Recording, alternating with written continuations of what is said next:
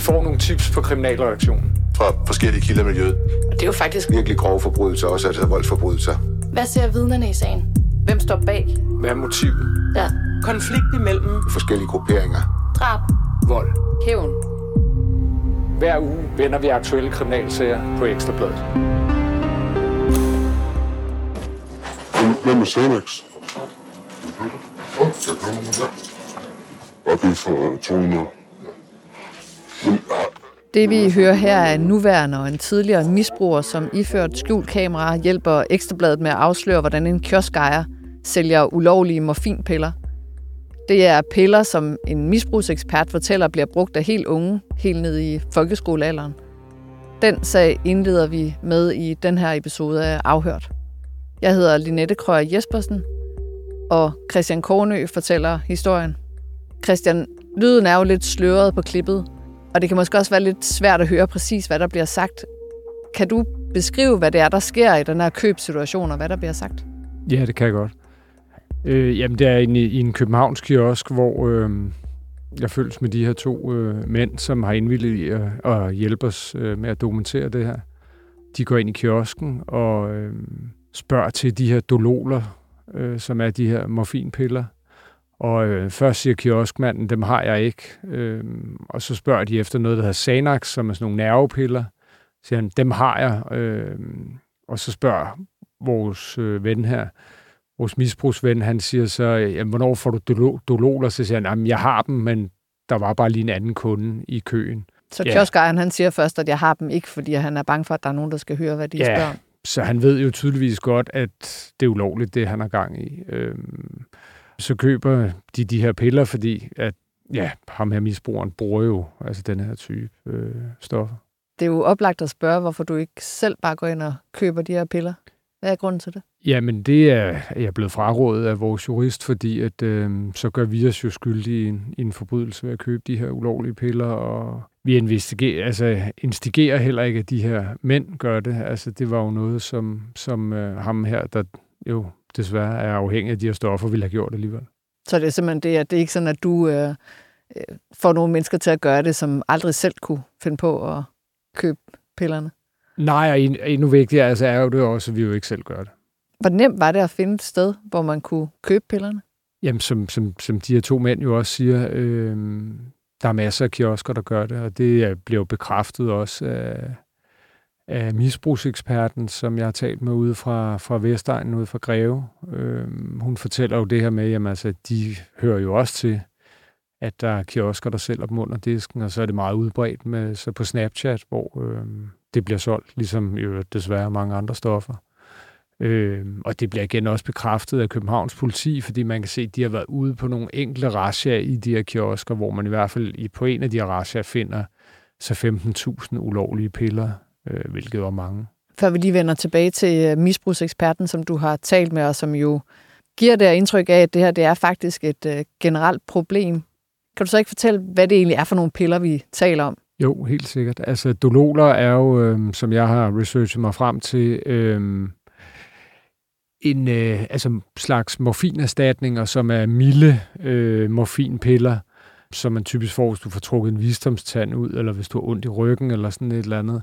Men det er jo desværre, som de her misbrugere og konsulenten også fortæller om, det er jo en tredje sten til et langt tungere misbrug, fordi du bliver også afhængig af de her milde morfinpiller. Altså, og det er jo en, en, en opioidafhængighed, som er meget svær at komme ud af, som er meget, meget stærk.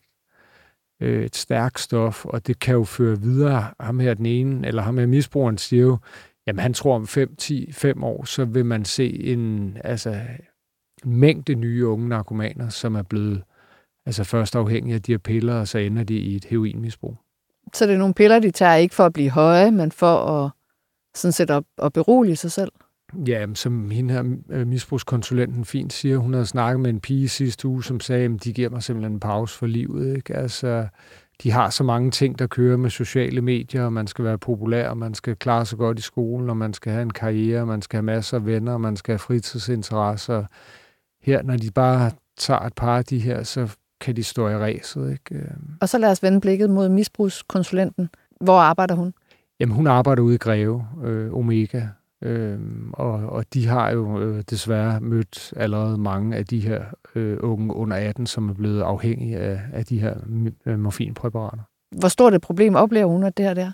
Jamen, de oplever det som et stort problem, og et eskalerende problem. Altså, øh, sommerferien sidste år havde de ikke haft et eneste eksempel, og nu her har de mødt masser af dem. Øh, det skal så også siges, det er jo ikke kun de her dololer, det er jo også de her Xanax-piller, som jeg også fortalte om, at de var inde at købe.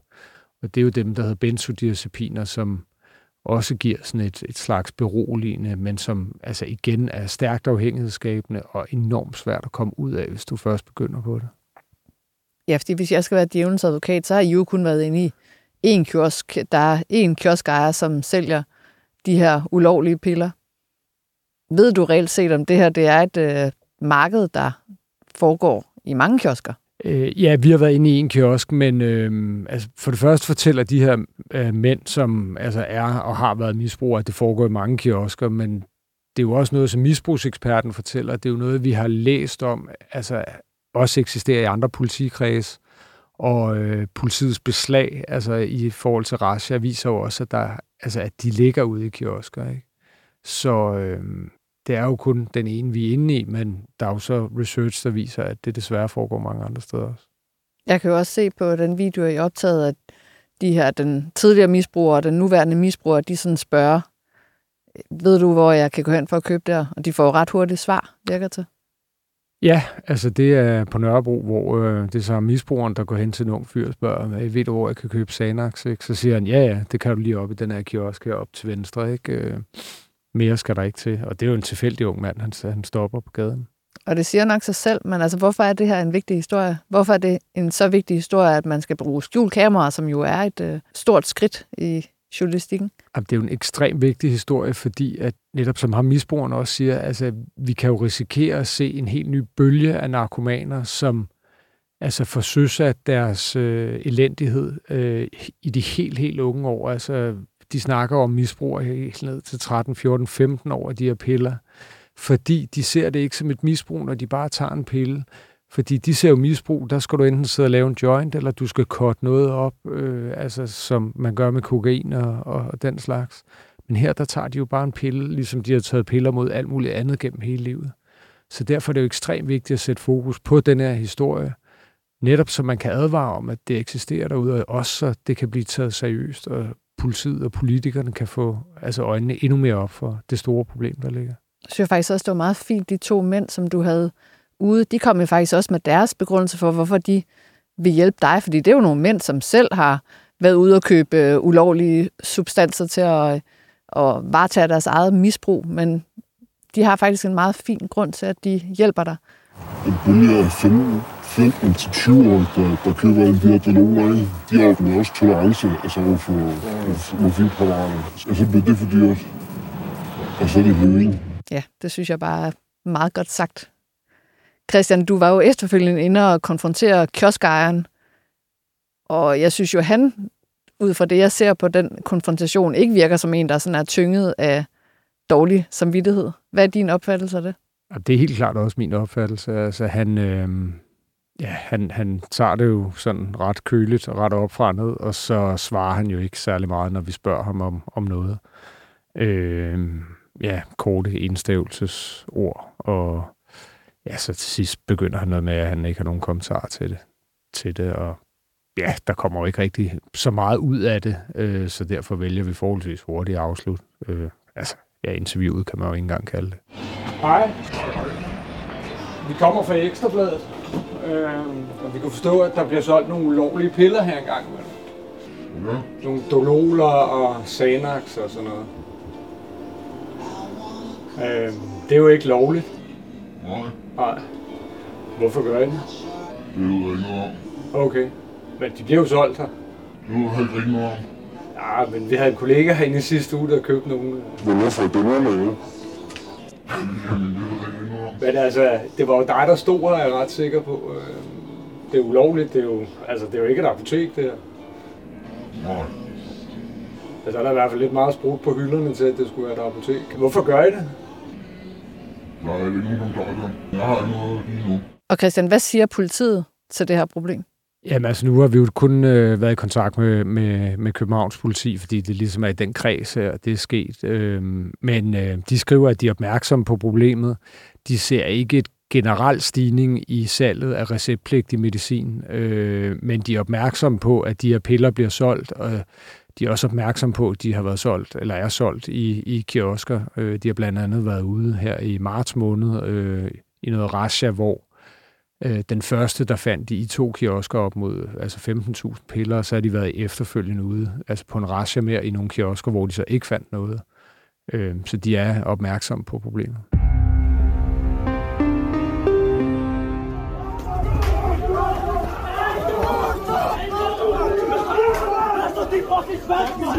Lørdag aften opstod der tumult på Glostrup station. Fodboldfans fra FC København og Brøndby stod sammen i et slagsmål. Lydklippet er fra en video, der er optaget på stationen, som viser, hvordan fodboldtilhængerne styrter ud af S-toget og jagter hinanden med slag og spark og løber en ældre kvinde omkuld på selve perronen. Jeg har lige inden jeg kom i studiet talt med øh, et øjenvidne til øh, sidste del af episoden. Han kunne fortælle, at han øh, sad i det tog, som rullede ind på stationen lige da, da slagsmålet var slut, og de her FCK-fans øh, kom ind, koks røde i hovedet, og sprang ind i det tog, han sad i, fordi de troede, at øh, de kunne flygte i toget. Han fortalte, at de var helt op at køre, og tydeligvis havde adrenalin, der bare hamrede igennem øh, årene på dem. Og øh, de kiggede sådan, altså jagede rundt på alle dem, der var der. Øh, han følte sig klart øh, truet, og, og, og, og at det var en, en voldsom situation. Øhm, de flygtede dog hurtigt ud af toget igen, fordi at øhm, det blev meddelt over togets højtaler, at toget kørte ikke videre, og politiet var på vej på grund af den episode, der lige havde udspillet sig ude foran. Han sagde, at der var en 20-30 af de her FCK-fans. Vi har Maja Vestander, som har beskæftiget sig en del med hooligans øh, det seneste års tid med på telefonen. Hej Maja. Goddag. Øh, det er et voldsomt slagsmål, som, som udspiller sig her. Hvorfor sker det lige forud for det her opgør mellem øh, de to klubber, tror du? Det er jo en klassiker med sammenstød mellem de her to fanbaser. Øhm, FC København og Brøndby er ærkerivaler, og det samme er deres fans. Og nu var det første gang siden august sidste år, at et derby blev afviklet med fans fra, øh, fra begge hold. Så det sammenstød, vi så, var jo desværre ikke voldsomt overraskende, kan man sige. Men det er jo dagen før kampen, ikke? Altså, det er jo alligevel sådan lidt usædvanligt, tænker jeg. Det tænker jeg egentlig bare et billede af, at, øh, at man jo, politiet, det er en højrisikokamp det her, og, øh, og de her fans ved godt, at de kommer ikke i nærheden af hinanden på kampdagen, altså omkring stadion. Det er det, vi sådan lidt har set den, de, de, de senere år, at, at det er sværere og sværere for, for fans at komme i kampolage med hinanden omkring kampen, og på kampdag især, hvor man kan se, at hele beredskabet er rullet ud. Så, så de så sikkert deres snit til, at, øh, at de kunne lave det her møde dagen inden i stedet. Ja, for der har jo også floreret en optagelse af flere mænd sådan i gule elefanthuer, som har stået og ventet på perronen, og man hører dem sige, da toget ruller ind, øh, S-toget her, øh, FC er her.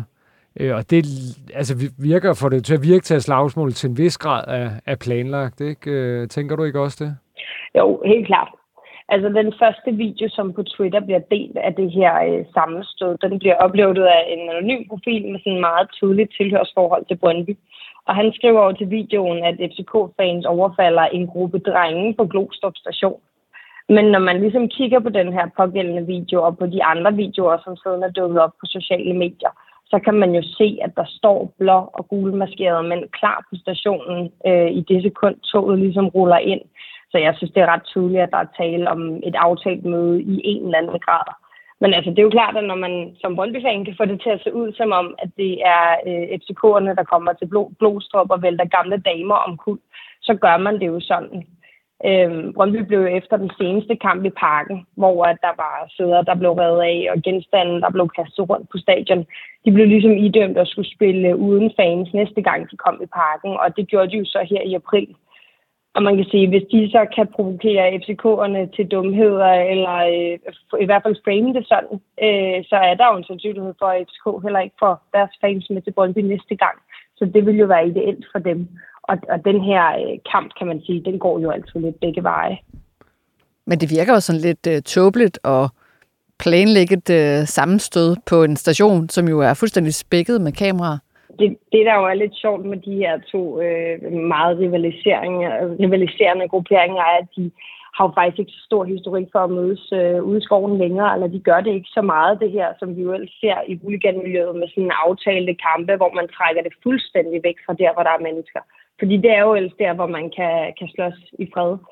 Øh, så, så præcis ideen med at tage det ind på Glostrup station, altså, jeg skal ikke sige, det, det, det er jo ikke øh, den helt store... Øh, jeg, tror, jeg ved ikke, om det er den helt store tankekraft, der er lagt bag øh, det her møde, men man har jo selvfølgelig tænkt, at man kan komme hurtigt ind og hurtigt ud af et tog, øh, så man har hurtig mulighed for at prøve at komme væk fra stationen igen. Det kan jo selvfølgelig være en del af det. Øh, men, men altså, vi så det jo også en lille smule sidst, da, da, da FCK i efteråret skulle have Dortmund ind øh, i parken, hvor uh, Brøndby-fans jo selvfølgelig heller ikke var en del af billedet, men de er jo gode venner med de her Dortmund-fans, og der prøvede de jo også at snige sig på et S-tog, altså en kombination af Brøndby-folk og tyskere.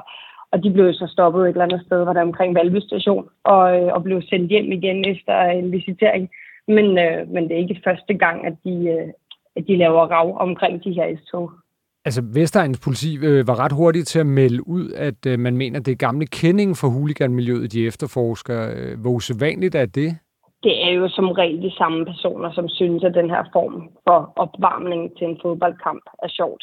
Øh, vi så jo i hvert fald også, også ofte de her samme mennesker gå igen, gå igen om det er i sager om, øh, om trøjerøverier, eller om det er sammenstød mellem fans. Det er jo det er sådan lidt øh, forskelligt, men, men man kan sige, lige netop i det her tilfælde, så har politiet jo bemærkelsesværdigt meget umasket video, øh, som de kan gribe til, og der er der sikkert også noget overvågning på øh, stationen, som er blevet hentet ind, som man ikke, at de har nogle spotter, der har et godt kendskab til de her fangrupperinger, som sagtens kan genkende nogle ansigter, og det kommer da nok i sidste ende også til at koste øh, nogle af de her mennesker et par pladser i det her famøse huliganregister. Ja, altså det register, som gør, at de kan blive udelukket i x antal tid øh, for at deltage i kampe og, og komme på stadion. Øh, jamen, jeg tror ikke, vi har så meget mere, Maja. Øh, tak, fordi du gjorde os klogere på denne her sag. Det er jo et miljø, som vi i høj grad også øh, kommer til at følge fremadrettet her i Afhørt og på Ekstrabladet.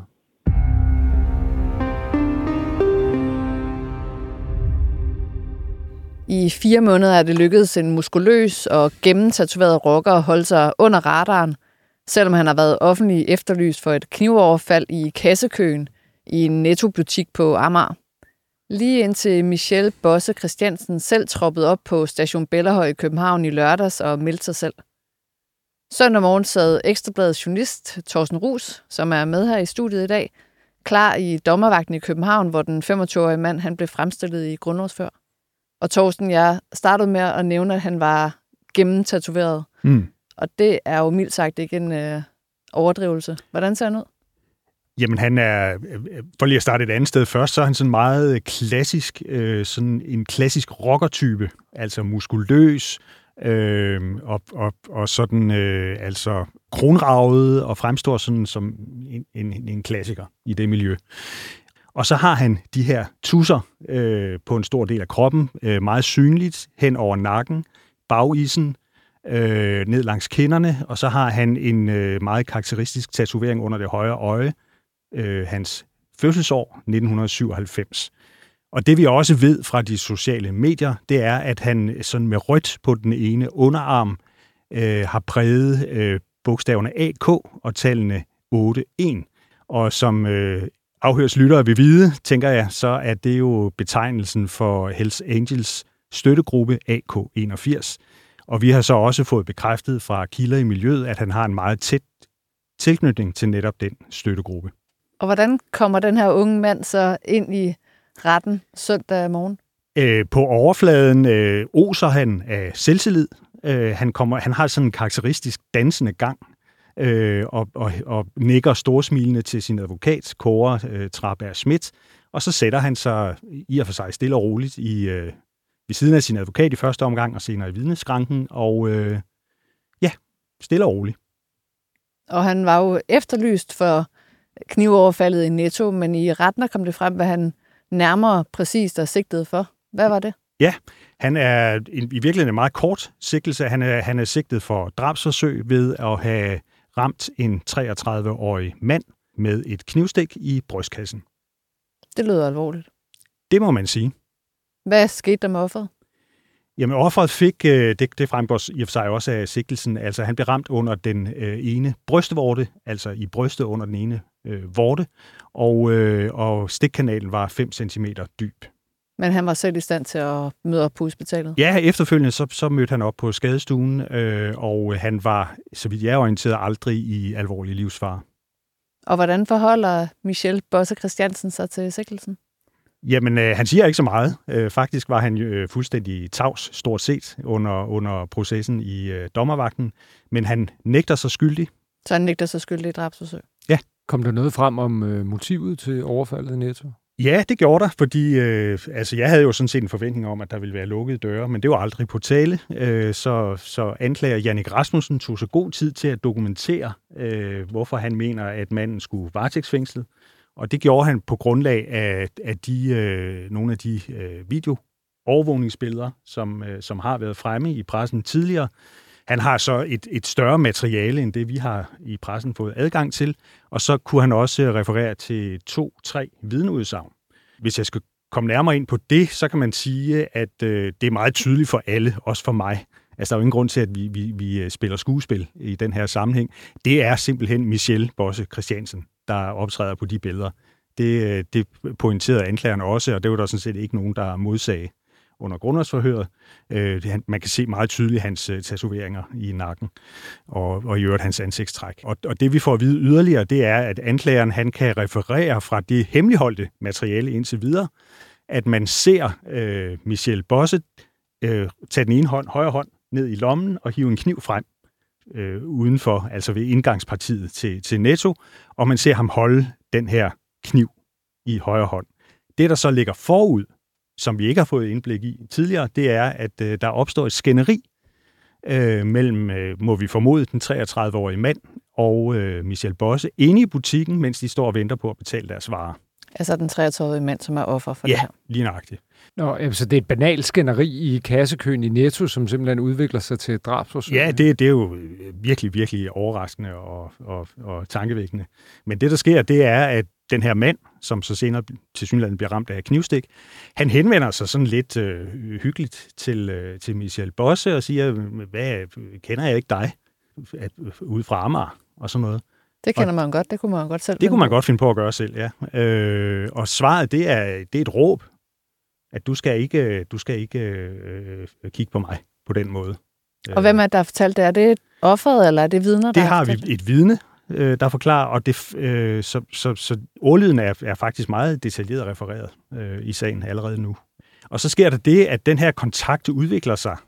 Der er flere, der opfatter det her råberi inde i butikken, og så sker der jo så det, jeg tidligere har fortalt, øh, at, at de mødes ligesom for at klare tingene af uden for butikken. Og det er så der, øh, knivstikkeriet øh, udspiller sig. Ja, så knivstikkeriet har jo faktisk i og for sig intet at gøre med, at han er altså rocker tilknyttet. Øh... Ikke med de oplysninger, vi har nu. Nej. Altså, det, han har forklaret øh, offret i, under politiafhøring, fik vi også videre under grundlovsforhøret, at han aldrig øh, havde øh, mødt manden før og ikke vidste, hvem han var. Men som jeg forstår din dækning, så har offeret efterfølgende kontaktet politiet og sagt, at han egentlig ikke ønsker, at der skal ja, være en sag. faktisk flere gange har han over politiet øh, gjort gældende, at, han, at jeg er okay, altså i dagene efter det her øh, angreb. Og, øh, og han vil ikke medvirke til sagens øh, opklaring, og han synes jo, at, at politiet skal stoppe efterforskning. Jeg undrer mig over, at en mand som øh, Michel Bosse Christiansen, som har et så usædvanligt udseende, altså har så fremtrædende tatoveringer, kan holde sig under radaren så længe, altså uden at der er nogen, der øh, kontakter politiet og siger, at øh, jeg tror, jeg har set ham her, som I har efterlyst med navn og billede. Ja. Ved du, hvordan det lykkedes ham at holde sig øh, skjult? Nej, det, det er ret overraskende. Ja. Øh, jeg ved, at hans advokat har været i løbende kontakt med ham, Øh, og, og faktisk er der også den lidt øh, pussy detalje, at det er advokaten, der, der så i sidste ende her i lørdags kører, kører Michel Bosse hen til lokalstation Bellahøj, hvor han så melder sig selv. Og det har faktisk, har jeg sådan under hånden fået at vide, øh, i en længere periode være på tale, at nu måtte han da vist også så hellere melde sig til Københavns politi. Men der er kommet forskellige private gørmål i vejen. Og hvad endte grundlovsfører så med?